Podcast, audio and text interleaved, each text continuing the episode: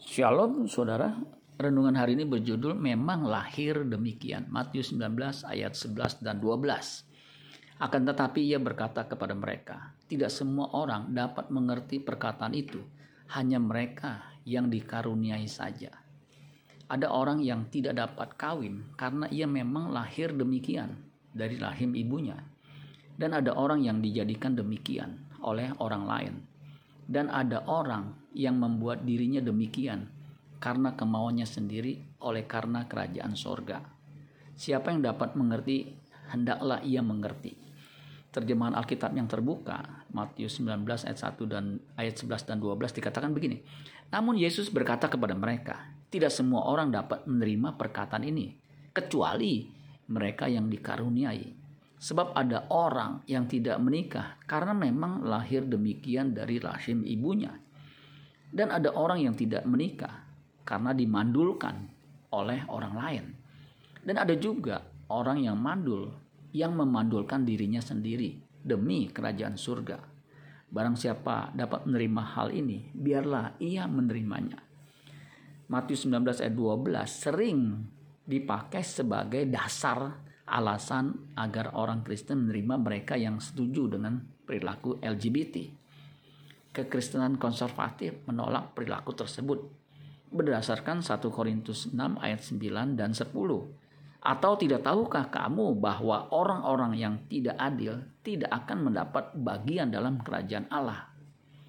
Janganlah sesat, orang cabul, penyembah berhala, orang berzina, banci, orang pemburit, pencuri, orang kikir, pemabuk, pemfitnah, penipu tidak akan mendapat bagian dalam kerajaan Allah. 1 Korintus 6 ayat 9b sampai 10 terjemahan bahasa Indonesia 2 yang terbaru mengatakan begini. Janganlah sesat. Orang cabul, penyembah berhala, pejina, laki-laki yang ditiduri serta laki-laki yang melakukannya. Pencuri, orang tamak, pemabuk, pemfitnah, dan penipu tidak akan mendapat bagian dalam kerajaan Allah. Pertanyaannya siapa yang tidak dapat kawin? Mereka yang memang sejak lahir tidak bisa kawin karena kelainan genetikal, bukan karena dimandulkan orang lain atau dimandulkan oleh kemauannya sendiri. Kata orang yang tidak dapat kawin dari satu kata Yunani, Yunokos. Yunokos artinya Chamberlain, Chamberlain, Chamberlain itu seorang pengurus rumah tangga raja atau sida-sida. Biasanya mengurus selir raja. Yunokos artinya keeper of the bed chamber of an eastern potentate. Penjaga tempat tidur seorang penguasa timur. Ya. Yunokos menjadi yunak.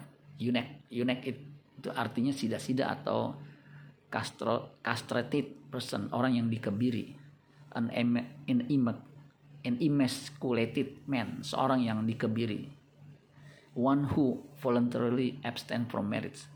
Orang yang secara sukarela menghindari atau tidak menikah. Kata Yunokos dari dua kata yaitu Yune dan Eko. Yune artinya a bed, sebuah tempat tidur. Sedangkan Eko artinya to have, mempunyai. Atau to hold, memegang. Jadi Yunokos secara hurufiah artinya a bedkeeper, seorang yang menjaga tempat tidur.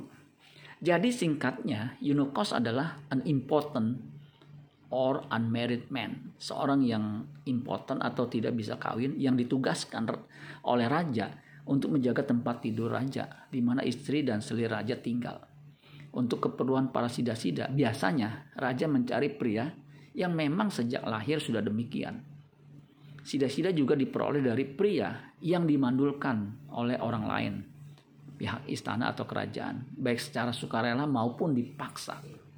Dengan demikian ayat ini tidak ada hubungannya dengan mereka yang berperilaku seks menyimpang.